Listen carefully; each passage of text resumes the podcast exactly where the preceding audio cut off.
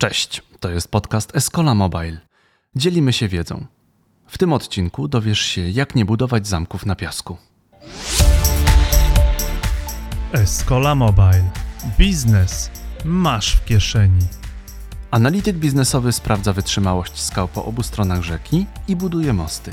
Wie, gdzie grunt może być grząski i może spowolnić Twoją biznesową podróż. Ciekawe, że w biznesie nierzadko i tak idziemy w zaparte i budujemy produkt, nie zważając na sygnały od ludzi w otoczeniu. W rezultacie, planując projekt, mamy jego wyobrażenie, a w zderzeniu z rzeczywistością ten projekt nie wypala. Tu jest właśnie miejsce dla analityka biznesowego, który pomoże Ci wybrać ścieżkę, doradzi, podzieli się wiedzą. Analityk biznesowy jest towarzyszem na każdym etapie powstawania projektu. A w następnym odcinku pokażemy, czym się różni analiza biznesowa jako część realizacji projektu od współpracy z najlepszymi konsultantami zewnętrznymi. Jeśli chcesz stworzyć aplikację mobilną lub webową, zajrzyj na naszą stronę escola.pl. W prawym górnym rogu kliknij Wyceń projekt i daj nam znać, jak możemy Ci pomóc. Być może potrzebujesz analizy biznesowej. Zapraszamy do wysłuchania kolejnego odcinka podcastu Escola Mobile. Dzień dobry, Krzysztof Wojewodzic, Escola Mobile Live. Ze mną jest dzisiaj Kamil Grzejek, główny analityk Escolesa. Cześć Kamil.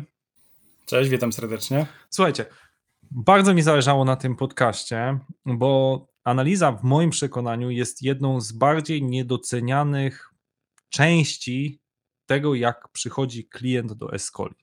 Czy wszyscy prawie myślą, że ktoś przychodzi z pomysłem, my ten pomysł bierzemy i wdrażamy.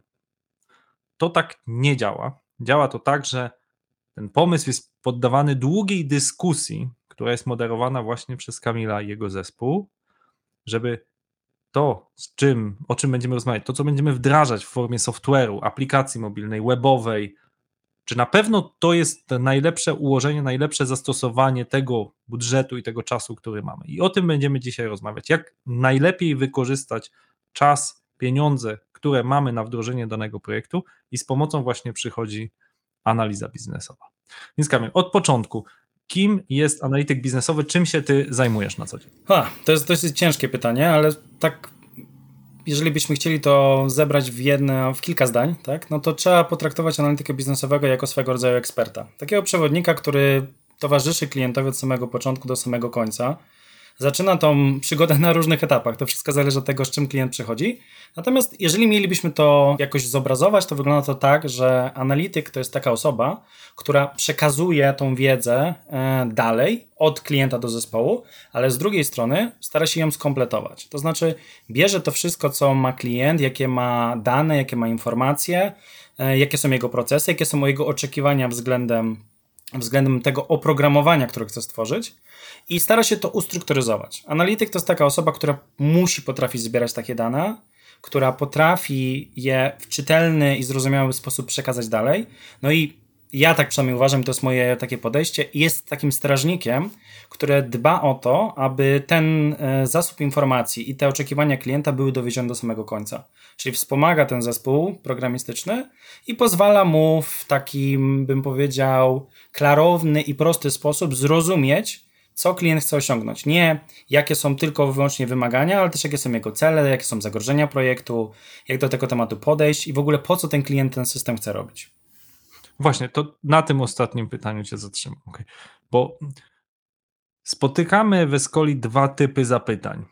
Jedno, jeden typ zapytań to jest, dostajemy od jednej do nawet kilkuset stron jakiejś specyfikacji, która mówi, to będzie aplikacja dla sklepu, który sprzedaje elektronikę we Włoszech i ma, nie wiem, 100 milionów euro obrotu, potrzebuje aplikacji, która ułatwi ludziom zakup tej elektroniki. Ten sklep musi mieć dobrą wyszukiwarkę, ten sklep musi mieć dobre zdjęcia, szybko się ładować. Tam jest szereg tych wymagań opisanych funkcjonalnie i technicznie. A zdarzają się pomysły na jedną kartkę, która jest napisana: Chcielibyśmy, e, żeby to było nie wiem, aplikacja, która przedstawia ciekawostki z życia nie wiem, kosmonautów. I są też zapytania, które mówią: mam pomysł na aplikację, opowiem ci to przez telefon to, i się pojawia dosłownie jakaś tam wizja. To jakbyś mógł opisać, jakby czym różni się praca analityka z tym one-pagerem, czy też tą wizją opisaną przez telefon, a tym stustronicowym dokumentem. Jakbyś mogli takie spektrum zrobić. Jasne, dobra, okej. Okay. Podchodząc do tego tematu, kiedy mamy różne materiały od klienta, co się zdarza zawsze. Tak? Czasem, mhm. jak to mówiłeś, mamy tą jedną kartkę pomysłu, czasem nawet nie ma tej kartki pomysłu, jest tylko wizja. Jest mhm. taka sytuacja, że dział stwierdził, że oni potrzebują, bo mają taki proces, albo chcą go zdigitalizować. Albo konkurencja ma proces i trzeba odgapić. Tak, dokładnie. To, też, to pomówmy najpierw, Kamil, pomówmy najpierw o tym, jak mamy dosłownie jedną stronę, pomysł, wizję założyciela, albo podpatrzyliśmy o konkurencji, coś byśmy chcieli, macie tu benchmarki, to też jest bardzo po, po, tak, czyli nasza konkurencja ma to i to i to nam się podoba, zróbcie nam coś podobnego. To jak działasz w tym momencie? No to wtedy tak naprawdę yy, bierzemy tego klienta i wkładamy go u nas w proces, który się nazywa Product Discovery, czyli staramy się zrozumieć, po co ten klient w ogóle to robi, jaki jest problem, tak? Jakie, jakie osoby mają ten problem i jakie ma być z tego rozwiązanie. Product Discovery jako takie e, składa się z sześciu faz, tak? czyli jest to e, etap dosyć złożony, natomiast można między przychodzić, powiem o tym później, bo jakby nie będę wchodził teraz w detale. Natomiast samo Product Discovery musi e, wyciągnąć od klienta tą wiedzę domenową. To znaczy, ja muszę zrozumieć jako analityk, po co tak naprawdę ten klient do tego podchodzi, jaki jest realny problem, jaka jest motywacja do jego zmiany, i czy ten problem jest wart rozwiązania. Zasadniczym problemem większości e, firm, z którymi się spotykałem, które były na etapie Product Discovery, jest to, że zamiast jednego głównego problemu, bo wiadomo, każdy ma swoje jakieś. każdy ma swoje jakieś potrzeby. Ten dział wpycha milion problemów naraz. Tak? Wszystkie są tak samo ważne. Wszystkie trzeba od razu rozwiązać. I rolą analityka na tym pierwszym etapie, oczywiście przed etapem badania problemu, jest etap ustalenia współpracy, ale to jest, to jest, takie, to jest takie clue, to jest taki totalny start. Ale etap problemu jest ten kluczowy, bo ta strefa problemu, ona mm, determinuje nam w ogóle to, czy będziemy przechodzić do rozwiązania. Jeżeli jako firma, jako dział nie jestem w stanie powiedzieć, że ten problem jest istotny, problem na tyle wpływa na naszą organizację, naszego klienta, naszych użytkowników, że oni są zmotywowani, wręcz aż czekają, żeby to zmienić, no to de facto nie jesteśmy w stanie w ogóle do tego tematu podejść, lepiej go zostawić. Zmarnujemy pieniądze, czas, cała reszta jest niepotrzebna, a oprogramowanie tylko będzie kulą o nogi, z której nikt nie będzie korzystał. To jest to. to, jest to. Czyli to, to, to, co mówisz teraz, to mi przypomina y, y, to, dlaczego często powstają startupy. Czyli widzę jakiś problem, widzę, że on jest na tyle ważny, że chcę go rozwiązać i szukam jakiegoś narzędzia, żeby faktycznie go rozwiązać. Jeśli tak jak mówisz, ten problem nie dotyka wielu osób, przypomina mi się taka E, taki program był Dragon's Den, tak, gdzie milionerzy tam dawali pieniądze na różne pomysły i był człowiek, który powiedział, że, że e, fajnie było mieć takie, taki, taki przenośne krzesełko do stania, do siedzenia, ono waży 3 kilo i żeby ludzie nosili je ze sobą, bo nie zawsze są krzesła, a czasem ludzie sobie lubią usiąść. I ci milionerzy otwierali ze zdziwienia oczy, mówią, no tak, ale w praktyce co oznacza, że nosisz 3 kilogramy ze sobą cały czas czy ten problem, że chcesz czasem sobie usiąść, jest na tyle istotny i nie ma, nie ma rozwiązania w postaci krzesełek w miejscach ogólnodostępnych, że chciałbyś coś takiego nosić ze sobą. I ten człowiek się upierał, że to jest naprawdę istotny problem. Oczywiście tych pieniędzy nie dostał, być może przegapiliśmy jakieś genialne rozwiązanie, ale to jest bardzo istotne, żeby sprawdzić, czy ten problem, tak jak mówisz, jest na tyle duży i czy jesteśmy w stanie ponieść pewien koszt tak, finansowy stworzenia tego rozwiązania, przestawienia organizacji do tego, żeby ten problem rozwiązać. Tylko w odróżnieniu do startupów, bardzo często w przypadkach aplikacji business to business, jakie robi Escola, często to rozwiązanie jest do wewnątrz organizacji, tak? czyli ta aplikacja może być no, oczywiście marketplacem dla klientów, może być sklepem, może być jakimś, jakąś rozwiązaniem, ale może być też jakimś systemem wewnętrznym i wtedy pytanie, czy jakby właśnie organizacja to zaakceptuje ten nowy proces. Ok, to, to, to mamy mniej więcej zdefiniowane, czyli chcemy zrobić product discovery, żeby lepiej zrozumieć hmm, hmm, co się dzieje, jeżeli dostajemy tą specyfikację na 100 plus stron i ona jest złożona, opisuje te wszystkie problemy, opisuje aspekty organizacji. Jeżeli dokumentacja jest złożona, to pierwszą rzeczą, którą muszę Cię niestety zmartwić i większość osób, które z taką dokumentacją przyjdą, to dobry analityk ją przejrzy i sprawdzi, czy w ogóle jest adekwatna do sytuacji, czy jest, y, czy odtwarza to, co się dzieje w firmie obecnie, jaki jest proces, w jaki sposób te rzeczy się obecnie dzieją, tak? No bo, okej, okay, każda dokumentacja jest wartością dodaną dla analizy. Nawet jeżeli nie będziemy podchodzić do tego tematu w taki sposób, że chcemy od razu przejść do realizacji, tak? czyli mamy najpierw tą fazę badania i weryfikowania samej, e, samego dokumentu, tak? to musimy e, spojrzeć, e, to możemy spojrzeć na to w taki sposób. Wszystko, co nam dostarcza klient, jest wartością dodaną do procesu, natomiast wszystko wymaga po, po, weryfikacji w mniejszym lub mniejszym stopniu współpracy analityka z zespołem po stronie zamawiającego, gdzie my sprawdzamy po pierwsze, czy tak jak powiedziałem jest to aktualne, a po drugie, gdzie są luki i gdzie są ślepe uliczki i jak to się ma w ogóle do tego, co klient chce osiągnąć. Więc yy, niestety to nie jest tak, że analityk dostaje 100-stronicowy dokument, mówię, dobra, super chłopaki, to ja tylko to uporządkuję, wrzucam to do zespołu deweloperskiego, do PM'a, robimy kick-off i startujemy proces, bo tak samo jak przy Product Discovery problemem jest brak wiedzy, tak samo tutaj może być problemem i nadmiar albo jej brak aktualności. I jedną rzecz, którą trzeba sobie e, tutaj podkreślić, że większość tych analiz będzie przechodziła z modelu as is to be, czyli tak jak jest teraz, jakie mamy procesy, to co zawiera ta dokumentacja, do momentu, jaki ma być, do celowego procesu, jak y, klient by sobie wyobrażał tą digitalizację albo ten swój projekt. Więc to też zależy, czy ta dokumentacja to ma, czy tego nie ma. Mhm. Okej. Okay. To, to, to, tak naprawdę powiedziałeś trochę może smutną wiadomość w krótkim okresie dla klientów Escoli, że my nie bierzemy tej dokumentacji tak na ślepo, nie łykamy jej jak ten przysłowiowy pelikan, tylko staramy się dać uwagi, czy tego nie dałoby się zrobić lepiej za pomocą może innych narzędzi. Moim zdaniem to jest w długim okresie współpracy z klientem dość fajne, bo mm, uważam, że trochę rolą tej firmy, która wykonuje oprogramowanie, jest znajomość przeróżnych praktyk. Ma zazwyczaj no, wielu klientów, nie wiem, kilkudziesięciu w przypadku Escoli i może porównując różne sposoby rozwiązania, zasugerować mm, klientowi, który ma jakiś system klasy legacy czy jakiś monolityczny, żeby może zrobić to w ciutkę inny sposób, ciutkę w innej metodyce. To nie jest łatwe często dla korporacji, i tutaj e, słusznie widzę podpowiedź e, słuchacza Waldka. Widziałem, że to zależy od tego, kto podejmuje decyzję w korporacji czy, czy, czy ktoś się uparł, tak, że to ma być tak i koniec i nie ma elastyczności, czy jest ta elastyczność na jakąś e, zmianę. Bo w tej chwili, tak jak obserwuję, to jest bardzo duża moda na e, zwinne projekty, zwinne prowadzenie projektów. Nawet na jakieś tam pojawiają się te metodyki no estimate. Nie możemy ci powiedzieć, ile to będzie kosztowało. Z drugiej strony, klient bardzo często chciałby ja mam określony budżet, mam milion na aplikację, możemy tam ciut pozarządzać e, e, tam w detalach, jakie będą funkcjonalności. I tutaj zderzamy tą zwinność, a tu zderzamy ten budżet i takie podejście, że jednak no, korporacje czy większe firmy wymagają jakiegoś budżetowania i planowania. Czy da się to pogodzić właśnie w tej, tych nowoczesnych metodykach analiz? Tak, znaczy ja bym był bezpie- ja bym uważał z powiedzeniem metodyczne, meto- e, nowoczesne metodyki analiz, tak? bo nowoczesne metodyki analiz to jest trochę co innego. To jest trochę taka sytuacja, że często się zdarza, że ludzie e, opisują jakąś nową metodykę albo na bazie swoich doświadczeń kryją coś e, fajnego i nowego.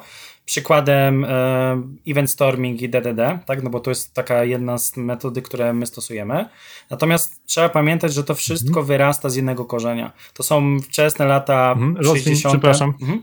Musisz, musisz rozwinąć DDD, bo nie wszyscy słuchacze Domain Driven Design. są przeszkoleni. Domain Driven Design, czyli mhm. projektowanie oparte na domenach, na, na, na tych, e, tutaj jakby to jest to połączone z event stormingiem, gdzie w event stormingu robi, rozpisujemy eventy domenowe, tak, i te domeny wyodrębniając jesteśmy w stanie potem programiści, osoby, które już naprawdę pracują kodowo i rozumieją troszeczkę inaczej niż my, analitycy, bo my jesteśmy takim mostem dla nich, ale oni na końcu muszą z nami współpracować i to opracować i zrozumieć. Więc wtedy. Co to są domeny? To są obszary? Tak, czy to są, pracujemy? powiedzmy, że to są jakieś elementy, które są ze sobą spójne logicznie, biznesowo, tak? Czyli powiedzmy, że nazwijmy to, nie wiem, proces zakupowy, tak? czy proces reklamacyjny. To jest troszeczkę ciężko określić wprost, czyli są różne, różne metody, żeby to, to nazwać. Ja jako analityk, który się wywodził bardziej z takiej klasycznej analizy babokowej, czyli taka, która jest, polega na opisywaniu procesu, przy, potem jest assist B, jak mówiłem. Tak, bardziej nazywam to procesami, tak, ale to, to właśnie są, są domeny, które mm, zapełniamy eventami. Te eventy rozpisujemy, pokazujemy, jakie są reguły, jakie czynności muszą być wykonywane, co musi być wyświetlane, jakie są, nie wiem, na przykład właśnie reguły biznesowe, jakie są wyjątki. I budując tą całość, dostarczamy programistom taką paczkę, na której oni mogą pracować, gdzie bardzo fajnie to działa i naprawdę super, super, super się współpracuje z zespołem deweloperskim, gdzie oni po prostu z tych klocków zaczynają budować e, całą logikę rozwiązania, bo w DDD nie, nie skupiamy się tak jak w normalnych metodykach na tym, żeby na funkcjonalnościach, tylko właśnie na tych domenach i te domeny mają podłoże biznesowe. Czyli my musimy zrozumieć biznes, programiści muszą zrozumieć biznes, żeby w ogóle coś dojść. I to jest genialne, bo wszystkie metodyki, znaczy może nie wszystkie, nie chcę też generalizować, ale większość metodyk nie podchodzi do tego w taki sposób, a programiści częściej skupiali się na funkcjonalnościach i budowaniu architektury rozwiązania, a nie na zrozumieniu biznesu. Mhm. Tu jeszcze Cię muszę y, dopytać. Podoba mi się to podejście myślenia domenami, a nie funkcjonalnościami, bo bardzo często sam pracowałem w konsultingu, budowałem różne rozwiązania cyfrowe, różne digital transition dużych korporacji. Tam często jest tak, że siadaliśmy w jakimś takim przeszklonym pokoju nad wielką kartką i każdy wyrzucał z siebie, jakie by chciał mieć tam funkcjonalności. Powstawała ich po prostu cała tona. Potem, jeśli byliśmy na tam dobrze, dobrze zarządzaliśmy tym procesem, to robiliśmy jakąś tam top listę tych funkcjonalności, które uważaliśmy za najbardziej przydatne i z tego powstawała jakaś tam lista do backlogu, tak, do tego, co faktycznie powstanie. A to, co ty mówisz, ta domenowość jest o tyle lepsza, że ona sprawia, że bardziej patrzymy na to z, z dalszej perspektywy. Staram się z lotu ptaka spojrzeć, co, z czym musi rozmawiać, żeby to na faktycznie zadziałało.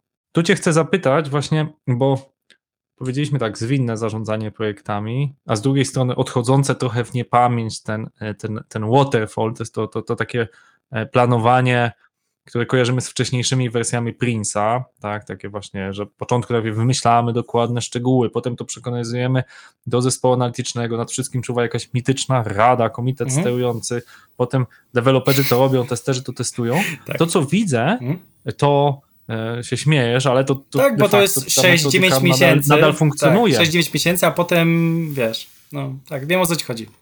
Ale, ale, ale widzę, że w tej chwili jest, i to po Escoli to widzę, i widzę na rynku te zmiany, że jest bardzo duża y, moda, w dobrym tego słowa znaczeniu, na przybliżanie zespołu deweloperskiego do procesu planowania, wymyślania, po to, żeby z jednej strony deweloperzy mogli powiedzieć, programiści, jakie są dobre praktyki na rynku, jak to wpływa, czy są jakieś ciekawe biblioteki i rozwiązania. To jest pierwsza korzyść.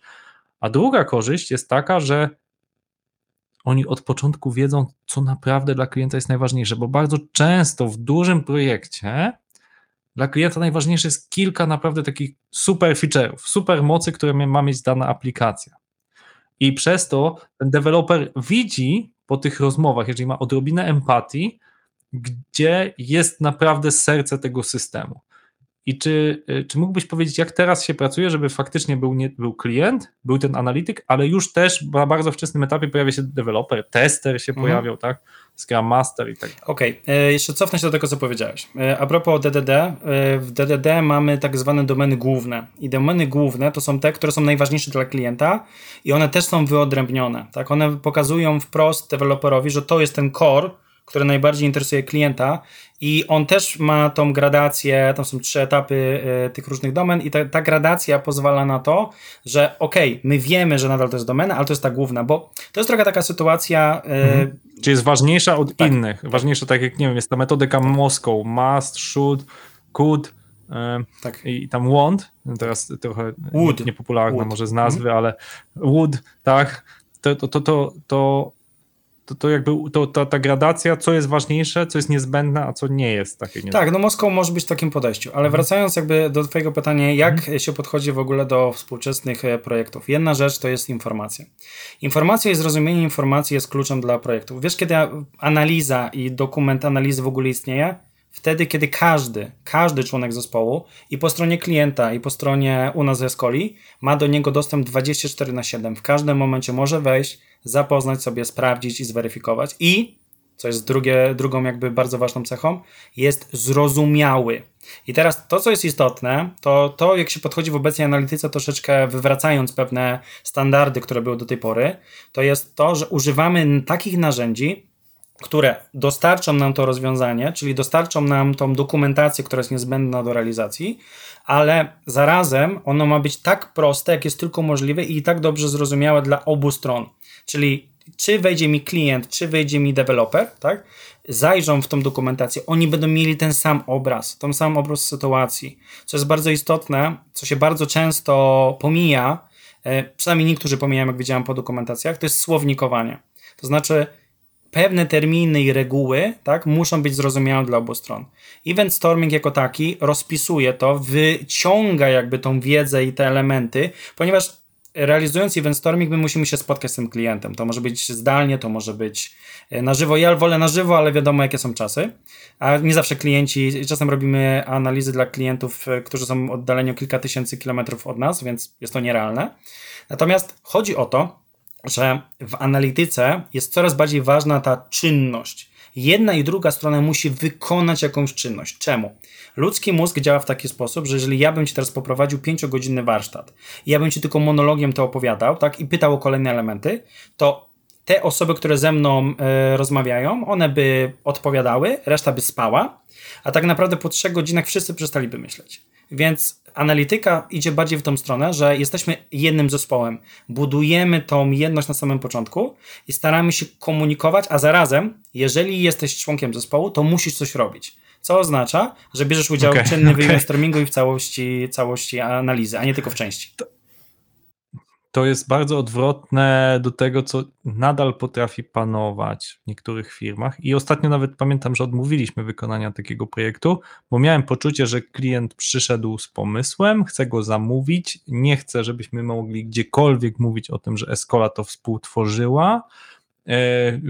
Wszystko my mamy zrobić od linijki tak, jak zostało tam zaplanowane nie było żadnego pola do, do rozmowy nawet. Nie podobało mi się to. Pamiętam, że, że ostatecznie ustaliliśmy, że nie chcemy podjąć tej e, rękawicy, bo akurat Escola są różne bardzo firmy, ale akurat nie Escola chce być częścią procesu i chce stanowić, uwaga, to co powiedziałeś, jeden zespół z klientem. Tak, my nie chcemy podejścia zamawiający dostarcza 100 stron dokumentacji, proszę mi zrobić i was odpytamy, za rok się spotykamy, cześć, czy zrobiliście to dobrze i was wypunktujemy, gdzie zrobiliście coś inaczej niż na kartce. Nawet jeśli Escola w tym momencie by wpadła na lepsze pomysły, to niestety cześć, my powiedzieliśmy na rok i nie chcemy rozmawiać. Dalej się to zdarza, bardzo rzadko, ale się to zdarza. I, e, i, i, i, i nie, no nie chcemy akurat takiego podejścia. Ale chcę jeszcze jedno zapytać, bo właśnie trochę nie do końca powiedziałeś, czym różni się ta analityka, jeśli mamy projekt fixed price i klient ma ten milion i tyle ma, a jeśli mamy projekt Time and Material i jednak możemy troszeczkę sobie tam bardziej e, tym, e, tym zakresem e, manipulować. Jak, jak wtedy analityka się Analityka różni się wtedy tak naprawdę z zarządzaniem ryzykiem. To znaczy w Time mhm. Material to ryzyko jest troszeczkę inaczej rozłożone, tak? Ono jest rozłożone i po naszej stronie i po stronie klienta, bo my razem współpracujemy. Przy Fixed Price wiadomo dostajemy po prostu budżet i zakres do realizacji. Jeżeli mamy fixa i ten fix jest nieruszalny i wiadomo, że my musimy po prostu doskonale wiedzieć, jak go zrealizować, no to zazwyczaj robimy to po prostu klasycznie. Tak? Robimy analizę babokową, która zbiera ten zakres wymagań, yy, mapujemy procesy as is to be, rozpisujemy wymagania funkcjonalne i niefunkcjonalne, budujemy taką całą dokumentację do tego i, co jest bardzo istotne, stosujemy UML-a, czyli Unified Modeling Language, który projektuje interfejsy. Co to oznacza? De facto pozwala to nam w pewnym momencie na coś takiego, że to analityk projektuje całe oprogramowanie, rozpisuje, jak to się między sobą będzie łączyło, a programista i zespół programisty, programistyczny jest odtwórcą tego w kodzie. Tak? Oczywiście do tego dochodził Xowiec i e, ekrany, wszystkie mockupy, które są niezbędne, ale to bardzo mocno obniża ryzyko tego, że projekt się w pewnym momencie rozjedzie, bo my mamy pełną dokumentację. Jest to dokumentacja, która naprawdę opisuje wszystko, co się da. Ten proces zajmuje bardzo długo, bo to nie jest taki prosty proces. No chyba, że mamy mały projekt, ale to zależy od skali. Natomiast pozwala nam to wtedy upewnić się obu stronom, że świetnie się rozumiemy, wszystko jest ustalone. Wiadomo, będą pewne rozjazdy, bo analityk nie może sobie przyjść tylko na początku, zebrać i powiedzieć: Słuchajcie, dziękuję serdecznie, moja praca się skończyła. Analityk powinien być zawsze do dyspozycji zespołu. Jeżeli by się okazało, że coś jest nie tak, albo gdzieś się nie zrozumieliśmy, to jest rolą analityka, żeby zebrać obie strony, albo zebrać informacje od którejś ze stron, bo to może być też różnie, i uzupełnić tą dokumentację. Dostarczyć tą wiedzę do zespołu. On jest tym punktem wiedzy, ale nie powinien być głównym punktem. Tak jak mówiłem, to dokumentacja jest odniesieniem, mhm. a potem wiadomo, backlog i wszystkie inne elementy, które, które wykorzystują programiści. Mhm. Ja właśnie tak obserwuję, bo prowadzimy ten projekt w tej chwili w e, Arabii Saudyjskiej i ja widzę, że ty właściwie byłeś na samym początku tego projektu, mhm. jesteś w trakcie tego projektu i, i, i choć projekt powoli zmierza do końca, to nawet jedziesz tam na demo tego tak. projektu, tak? Czyli jakby na każdym etapie pojawia się ten analityk i dba o takie, rozumiem, dostrajanie tego projektu, żeby bardziej był dopasowany do no, nawet nie gusta klienta, tylko gusta rynku, tak, żeby jak najlepiej po prostu zagrał na koniec. No finalnie to tak wygląda, czyli tutaj w tym temacie, który przy, mm. przywołałeś, to ja też jestem trochę key accountem i jakby prowadzę tego klienta też od strony sprzedażowej, mm. wiadomo, budujemy relacje, bo na tym to polega, ale mm. tak, fakt faktem, ja jestem taką osobą, która z jednej strony jest strażnikiem tej, strażnikiem tej pierwotnej wizji klienta, z drugiej strony ja mu pomagam, bo widzisz, problem z, analiz- z analizą i tego, co robią analitycy, to często jest tak, ja wymagam, ja dostaję dokumenty, proszę mi to dostarczyć, proszę mi to opisać. Jeżeli mi tego nie opisałeś, to wróć, jak to opiszesz. Natomiast w naszym podejściu jest mhm. trochę inaczej. My się staramy zrozumieć sytuację klienta. Nie każdy jest specjalistą od analizy, nie każdy potrafi to robić, tak? Często próby robienia są gorsze niż ich brak, tak?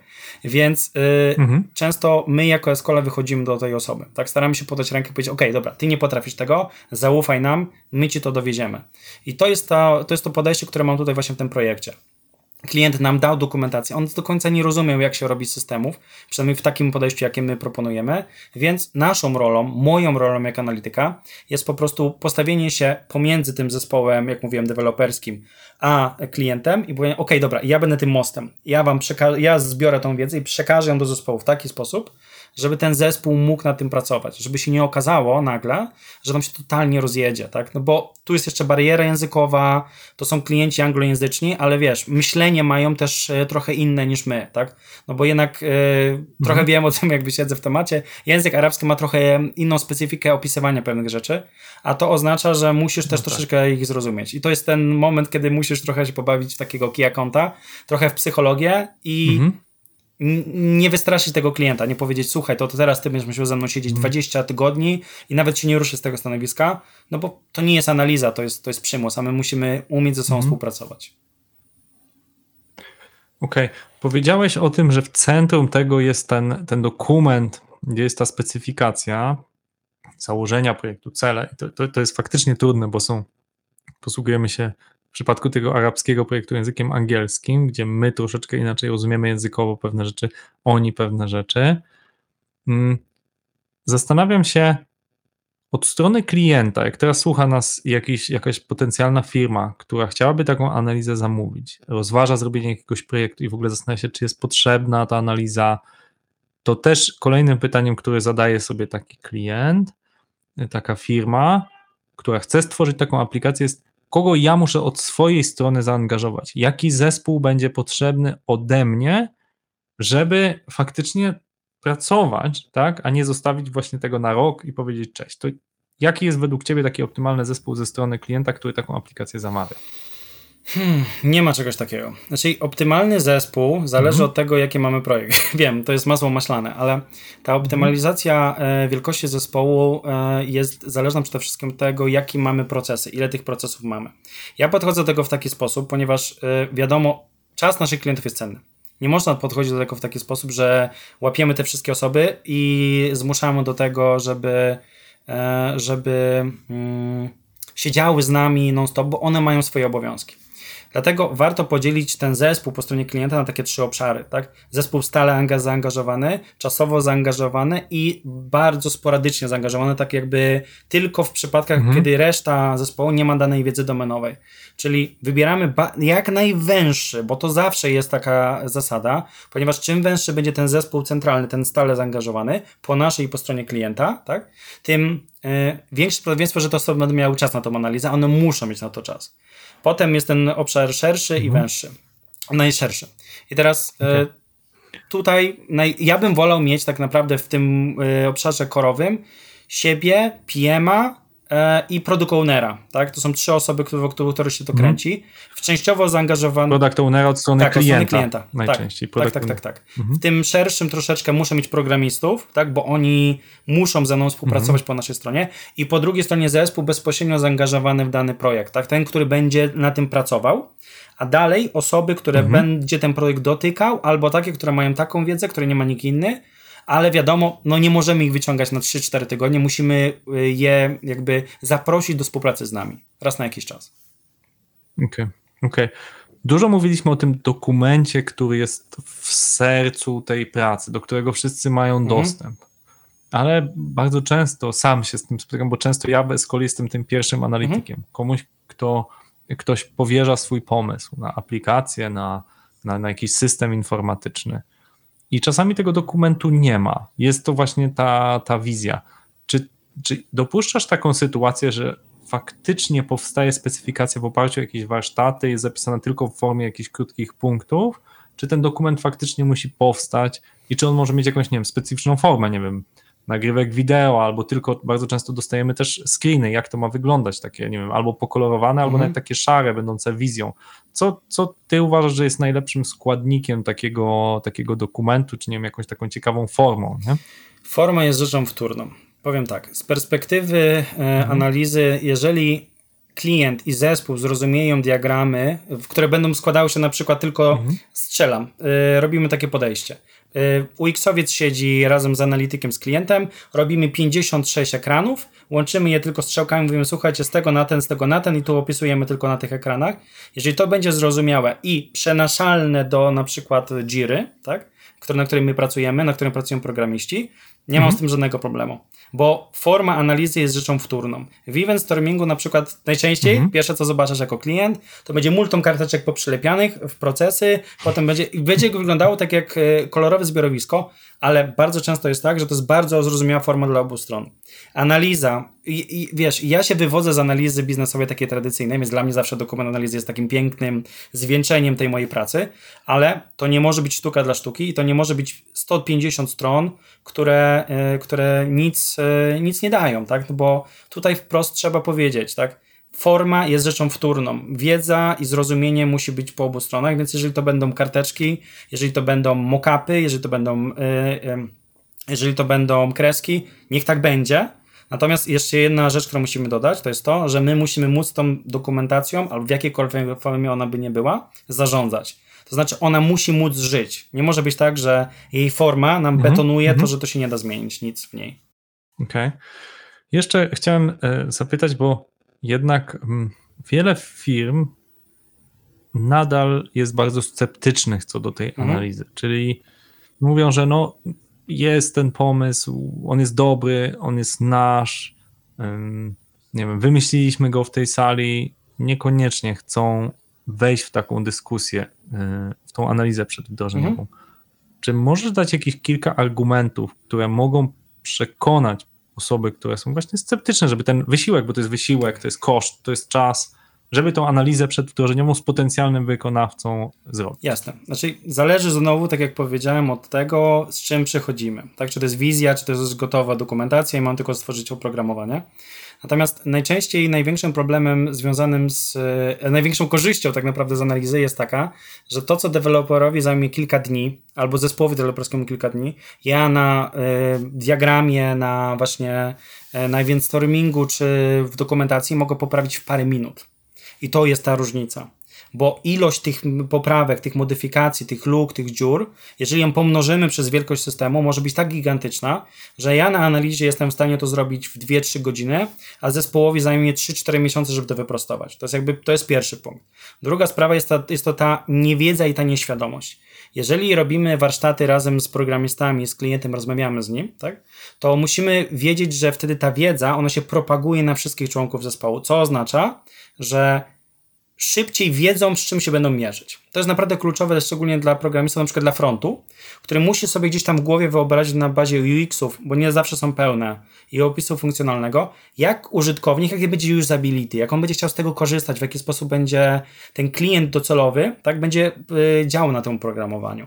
I analiza, i to bardzo mocno, dlatego bardzo mocno polecam zawsze robić analizę, powoduje, że oni nie analizują tego w momencie siadania do kodu, tylko zanim usiądą do kodu, zaczynają myśleć o tym, jak oni to rozwiążą, co naprawdę bardzo zmienia ich tempo pracy, no i co redukuje ilość pomyłek. No i ostatnią rzeczą, która jest dość istotna, to jest to, że jeżeli ktoś myśli z perspektywy takiej, że ja wymyśliłem sobie jakieś rozwiązanie i ono jest dobre, tak, okej, okay. ja nie mówię, że ono nie jest dobre, bo to wszystko podlega analizie, tak, ale to rozwiązanie często nie mm, wytrzymuje zdarzenia z rzeczywistością i zdarzenia ze szczegółami. Rolą analityka jest często pytanie do bólu, do samego dna, żeby zrozumieć, czy klient na pewno rozumie to, co chce osiągnąć i czy na pewno dobrze to opisał. I powiem Ci, Krzyśku, że bardzo często jest tak, że rozmawiamy z ludźmi, po dwóch pytaniach oni już sami nie wiedzą, czy to jest dobry pomysł, czy to nie jest dobry pomysł, jak to zrealizować, czy oni w ogóle są świadomi tego, ile jeszcze y, procesów obok, y, obok jest, bo Przykładowo, bardzo często my, jak my robimy swój fajny projekt, opisujemy go, mówimy super, mamy wszystko, zapominam tylko o takim drobnym małym szczególe, czyli o analizie otoczenia. Ten projekt w firmie nie istnieje bez dodatkowych procesów, bez dodatkowych aktorów, bez integracji z systemami zewnętrznymi. E, I brak tej wiedzy na samym początku powoduje, że my w połowie procesu deweloperskiego obudzimy się i stwierdzimy, kurczę, nie zaplanowaliśmy tego, tego, tego, tego i tego, bo nikt nie miał świadomości, bo nikt nie przepracował tego. Okay, czyli spróbuję takie dwa punkty wyciągnąć najważniejsze z tego, co powiedziałeś. Pierwszy to, że często to zadawanie pytań sprawia, że sam autor tej myśli zaczyna się zastanawiać nad całym procesem. I to myślę jest też trudne i powód, dla którego część klientów nie chce tej analizy, nie chcę jeszcze raz zastanowić się nad tym pomysłem, no bo w pewien sposób obnaża to, ktoś może mieć takie poczucie psychologiczne, obnaża to niewiedzę, tak? Obnaża to nieperfekcyjność tego pomysłu, a przecież ktoś nad nim pracował już dość długo i wymaga odwagi i pewności siebie, żeby powiedzieć: O, faktycznie, wspólnie w ramach tej analizy, jako partnerska grupa interesariuszy, wymyśliliśmy coś jeszcze lepszego. A druga myśl, którą e, parafrazuję to, co powiedziałeś, jest, że analitykowi, czy zespołowi analitycznemu zajmie parę godzin, czy parę dni przestawienie kluczowych komponentów, na nowo rozłożenie tego domino funkcjonalności, czy tego domino domen. Natomiast jeśli już to zajmiemy się tworzeniem architektury, zakodowaniem, frontend, backend, chmurka, taka, to może zająć wiele miesięcy, a czasem nawet te skutki mogą być niemalże nieodwracalne, jeżeli popełnimy jakieś błędy na etapie budowy systemu. E, wczoraj komuś tłumaczyłem, jak działa właściwie to, to budowanie systemu informatycznego i dlaczego nawet jeden słaby komponent może wszystko zepsuć, bo to jest jak budowa domu, gdzie mamy tam kogoś, kto kładzie cegły, kogoś, kto daje tynk, kogoś, kto też nie wsadza okna, dach i potem ten frontend, który tam wszystko ładnie maluje, ustawia meble i tam robi wykończenia. Jeśli okaże się, że na etapie dawania zaprawy ktoś jej nie dał albo użył złych materiałów, no to niestety wszystko trzeba rozebrać od zera.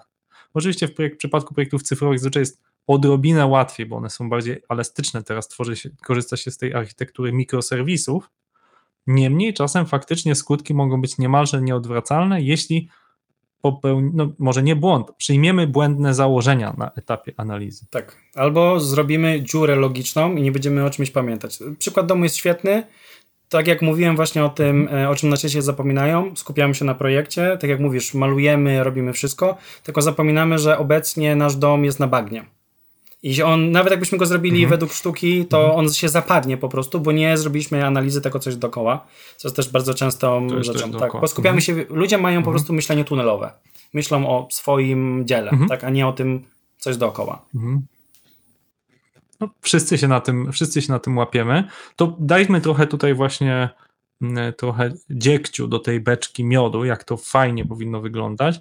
Czyli jakie są najczęstsze błędy popełniane w toku tej analizy przedwdrożeniowej? O czym najczęściej zapominamy czy, czy na etapie tej analizy? Powiedziałeś pierwszą rzecz, czyli zapominamy o otoczeniu, tak? Czyli wymyślimy absolutnie genialną aplikację. Po prostu SpaceX może nam pozazdrościć naszej technologii, tylko problem jest taki, że ona zupełnie nie wpasowuje się w to, jak wygląda świat dookoła naszej aplikacji. Co jeszcze jest przyczyną nieudanych projektów? Głównie przechodzenie do rozwiązań. W sensie przeskakujemy przez e, Mhm. analizę tego w ogóle, po co to jest potrzebne i komu to jest potrzebne, jaka jest motywacja użytkownika, w jaki sposób do tego podejść. I skupiamy się nawet nie na rozwiązaniach, tylko na korzyściach, jakie nam to przyniesie, czyli nie wiem, na monetyzacji tak, e, tego rozwiązania, czyli chciałbym móc e, nie wiem, dodać do oprogramowania system płatności po to, żeby ludzie mi płacili albo zdobywali punkty, lojalizacja, gamifikacja, wszystkie inne rzeczy, które mają marketingowo przykuć klienta e, do systemu. Zapominamy, że w sumie nie wiemy, po co ten klient ma z niego korzystać. Jakie jest w ogóle podejście do tego, w jaki sposób ten klient ma, e, ma z tego korzystać i po co, tak? Bo klient i użytkownik, tak, to mogą być jednak dwie osoby. Może się okazać, że chcemy to sprzedać firmom B2B, ale finalnie użytkownikiem będzie mm, pracownik tej firmy, tak, a nie sama firma jako taka. Więc to jest trochę taka sytuacja, że bardzo często y, w analizie przeskakuje się od razu do rozwiązań. Lecimy na to B, assist nas nie interesuje, nie ma na to czasu, trzeba to po prostu dowieść, jest termin, idziemy. To jest jakby pierwszy problem. Drugi problem związany z analizami jest to, że tworzymy molochy, dokumentację 300-400 stron, księgi. I ja chcę powiedzieć prost, ja też kiedyś tak robiłem, tak, więc to, to przychodzi z doświadczeniem, czasem trzeba po prostu sobie samemu spojrzeć w twarz i powiedzieć, dobra, nikt tego nie przeczyta, nawet nie ma szans, ty nawet tego nie przeczytasz, nawet nie pamiętasz, modyfikacja tego jest po prostu za długa, y, bo ciężar takiej dokumentacji jest tak duży, że on po prostu spowalnia development. Z deweloperzy zanim się przez to przejdą, zanim to przeczytają, zanim to zrozumie PM, zanim to odbierze klient, tak, to jest, y, no, to po prostu zajmuje. Trzecią taką rzeczą, która jest bardzo problematyczna, jest to, że analityk zbiera, ale nie analizuje. To znaczy, spisze wszystko to, co klient powiedział, ale nie robi syntezy analitycznej. Analiza nie polega na bycia skrybą. Analiza polega na tym, że zbieramy informacje i je strukturyzujemy, analizujemy, pokazujemy w jakimś kontekście. Jeżeli będziemy tylko to opisywać, no to będziemy mieli totalny bełkot, który potem deweloper będzie czytał i ten deweloper po prostu załamie ręce, bo on nic nie będzie rozumiał, bo on powie, aha, dobra, zrozumiałem, przejdzie przez kilka stron, a na końcu będzie diagram, który będzie zupełnie inny niż ten cały tekst. Bo analityk dorysował diagram, chociaż nie zrobił syntezy. Więc to jest jakby kolejna rzecz, która jest problematyczna, przy analizie. No i tak naprawdę czwarty punkt to jest to, co mówiłem wcześniej, czyli to, że ta analiza i wyniki są zamknięte w, szczelnie w sejfie. Ja jako analityk jestem ob- obrońcą tej, e, tej analizy i nikt beze mnie nie może jej czytać. Tak? Jeżeli chcecie coś od analizy, do mnie, przyjdźcie, zapytajcie. Tak? No i to, jest, to są takie podstawowe błędy, Mhm. można byłoby im mówić i mówić. Czyli jestem, jestem y, jak, jak jakiś biskup, który musi wyjaśnić e, wszystkim, Tak, co zejść z góry i powiedzieć święte słowa i wtedy wszyscy muszą zrozumieć. Mhm. Tak? No, to trochę nie tak działa. Mhm. Okej, jeszcze ciekawe jest to, co powiedziałeś a propos twojego wcześniejszego doświadczenia tam sprzed, nie wiem, dekady czy, czy, czy iluś lat temu, jak pisałeś szczegółowe, opasłe analizy, takie, które ujmowały wszystkie elementy, a z czasem skupiasz się na tych najważniejszych. Mm, Czytałem biografię Picassa, że on kiedyś, i faktycznie oglądałem pierwsze jego obrazy, one były bardzo, bardzo dokładne, perfekcyjne. On, jest, on był doskonałym, doskonałym y, kunsztmalarskim. Ludzie znają go często z obrazów typu, gdzie są, nie wiem, kwadratowe, jakieś postacie, czy jakieś uproszczone nawet ludziki, bo on z czasem zaczął się skupiać na tych aspektach, które są dla obrazu najważniejsze. Uwypuklać to, co jest najistotniejsze, żeby zobaczył e, widz. Ja widziałem jego jeden z niewielu, w Barcelonie jest jeden z niewielu jego e, malu, malowideł na budynku i tam są właściwie takie postacie, które ktoś mógłby pomyśleć, że to jest e, tylko jakaś dziecięca zabawa, ale tymczasem on chciał pokazać tą esencję. I to jest coś, do czego się dochodzi, że najpierw robisz coś bardzo dużego, a z czasem widzisz, gdzie jest to najważniejsze. I to jest, to przychodzi z doświadczeniem, tak, żeby powiedzieć mniej, ale to właściwe. Napisać krótszy dokument, ale w którym będą te najważniejsze informacje zrozumiałe dla wszystkich, nawet tych, którzy nie są ekspertami w danej domenie. Ok, to jeszcze dwa ostatnie pytania. Przychodzi do ciebie e, klient i chciałby przeprowadzić tą analizę biznesową, chciałby zderzyć ze sobą swoje myśli tych kilku, kilkunastu, kilkudziesięciu stron, co wymyślił, czy obrazów, ekranów. Co się dzieje krok po kroku, jakbyś mógł opisać, żeby skutecznie taki projekt analizy przeprowadzić? Jasne, okej. Okay. To zależy, nie lubię tego słowa, ale to zależy od tego, mhm. jak bardzo dojrzały to jest klient i jaki to jest projekt, tak? Natomiast przyjmijmy założenie, mhm. że mam normalny, normalny projekt, jest to kilka stron, tak jak mówiłeś, kilkanaście. E, pierwsze co, to zaczynamy od spotkania otwierającego, rozmawiamy sobie. Ja muszę wyczuć tego klienta, zrozumieć, czy ten dokument to jest jego, on to stworzył, wypracowali to w dziale, jaki jest w ogóle background sytuacji. Oczywiście przed tym spotkaniem analizuję ten dokument, bo muszę go zanalizować. No i teraz mamy jakby dwie ścieżki. Jeżeli jedna, jedna to jest event stormingowa, a druga to jest klasyczna analiza taka babokowa. Jeżeli mówimy o event stormingowej, no to umawiamy się na warsztat. Na warsztacie e, opisujemy, wprowadzamy klienta, mówimy mu w jaki sposób przebiega event storming, jak to wygląda, że działamy na eventach, jakby dajemy wszystko w czasie przeszłym, mówimy, że na przykład kupiłem bilet, tak? Jest to jakiś proces e, zakupu biletu na seans, tak?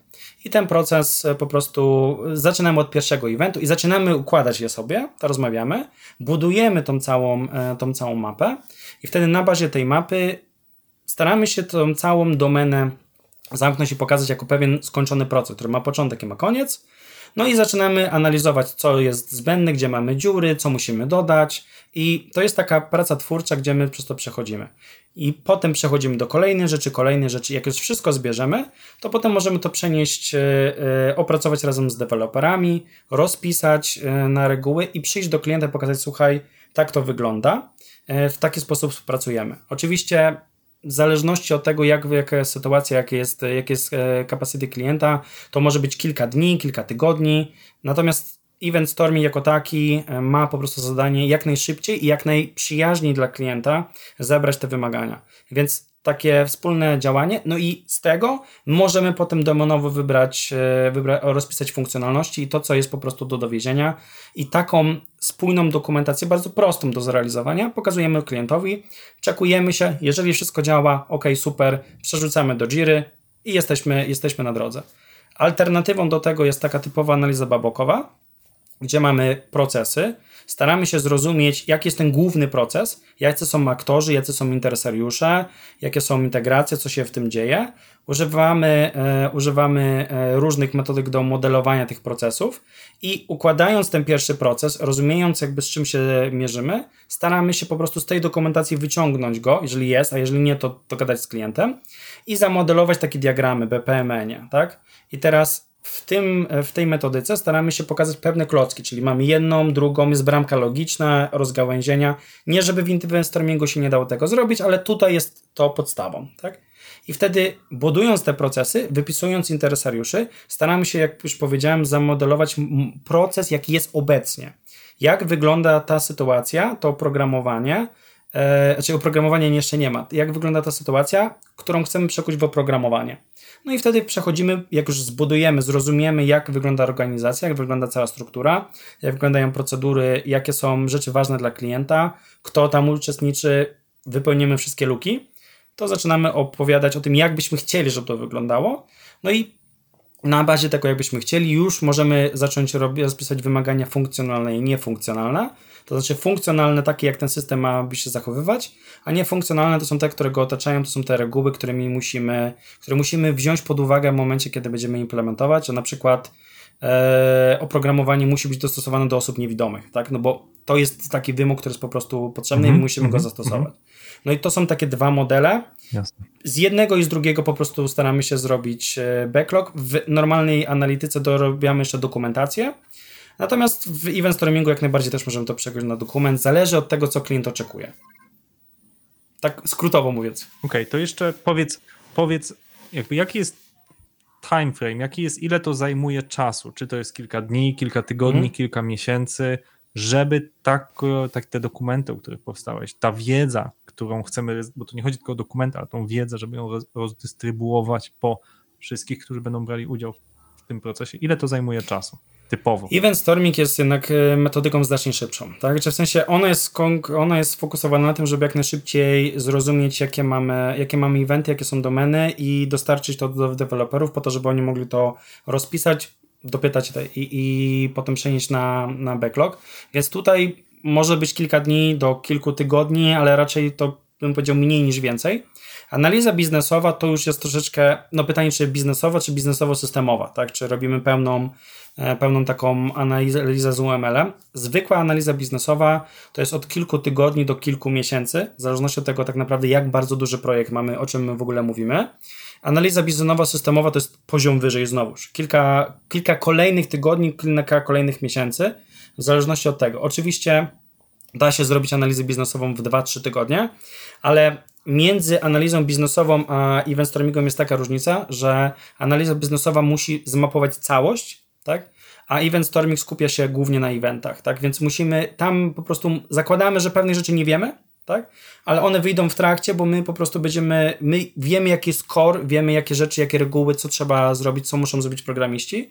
Natomiast w normalnej analizie biznesowej ta kolejność i ta uporządkowanie tych procesów jest na tyle kluczowe, że no nie możemy go pominąć, bo będziemy po prostu, nie da się zrobić procesu BPM-owego, na przykład bez środka. W evencie jasne, y, możemy założyć, że mamy tu pewną nieścisłość i możemy sobie to uzupełnić, albo w, na kolejnych warsztatach, albo w trakcie developmentu, w zależności od tego, jak się mówimy z klientem. Super. Kamil, nie, nie, trudna rozmowa. W 50 minut staraliśmy się przekazać zawiłości analizy biznesowej. Moja teściowa, jeżeli tego słuchała, to będę ciekaw, czy zrozumiałaś trochę, o czym rozmawialiśmy, bo to będzie znak, że udało nam się dobrze przedstawić tą wiedzę, a nie unikaliśmy też trudnych, e, trudnych e, stwierdzeń, domain driven development, event storming, PPM. Oczywiście postaramy się dodać jakieś krótkie e, fiszki wiedzy, czy definicję rozpisać u nas na blogu Escoli, żeby te osoby, które chciałyby się więcej dowiedzieć o tym, jak działa ta analityka, o której mało się mówi w IT, bo wszyscy myślą, że to ktoś zrobił wymagania, ktoś zrobił program, a ta analiza, w moim przekonaniu, i, i cieszę się, że nie tylko moim, jest sercem skutecznego e, projekt, skutecznie, skutecznej realizacji projektu. I tak jak powiedziałeś, nie tylko analiza na początku, ale ciągły udział analityka, architekta w tym, żeby faktycznie otrzymać niekoniecznie to, co sobie klient wymyślił, ale to, czego chce rynek, to, co naprawdę się przyjmie, to, z czego będą ludzie korzystać chętnie, czy w klienci w segmencie B2C, czy w segmencie B2B do wewnątrz organizacji. Dzięki Ci. Moim gościem był Kamil Grzejek z Escola. Dziękuję serdecznie, dziękuję za Państwa czas. Escola Mobile. Biznes masz w kieszeni. Zamki na piasku, domy ze szkła, biznesowe pustynie. Analiza biznesowa to sztuka czytania map i omijania niebezpieczeństw. Właśnie dlatego do podcastu zapraszamy najlepszych. Zdobywamy ich wiedzę, rozmowy nagrywamy i wypuszczamy w postaci podcastu, którego właśnie słuchasz, rozmowy na YouTube czy blog posta na escola.pl. Dzięki temu uzyskujesz wiedzę z pierwszej ręki od praktyków, od najlepszych gości łączących biznes, wiedzę, edukację i technologię. Jeśli ten odcinek dał Ci inspirację, zdobyłeś wiedzę, prosimy podziel się tą wiedzą z innymi. Udostępnij link do podcastu na LinkedInie, Twitterze, Facebooku, opowiedz o nim swoim znajomym. To był 140 odcinek podcastu Escola Mobile.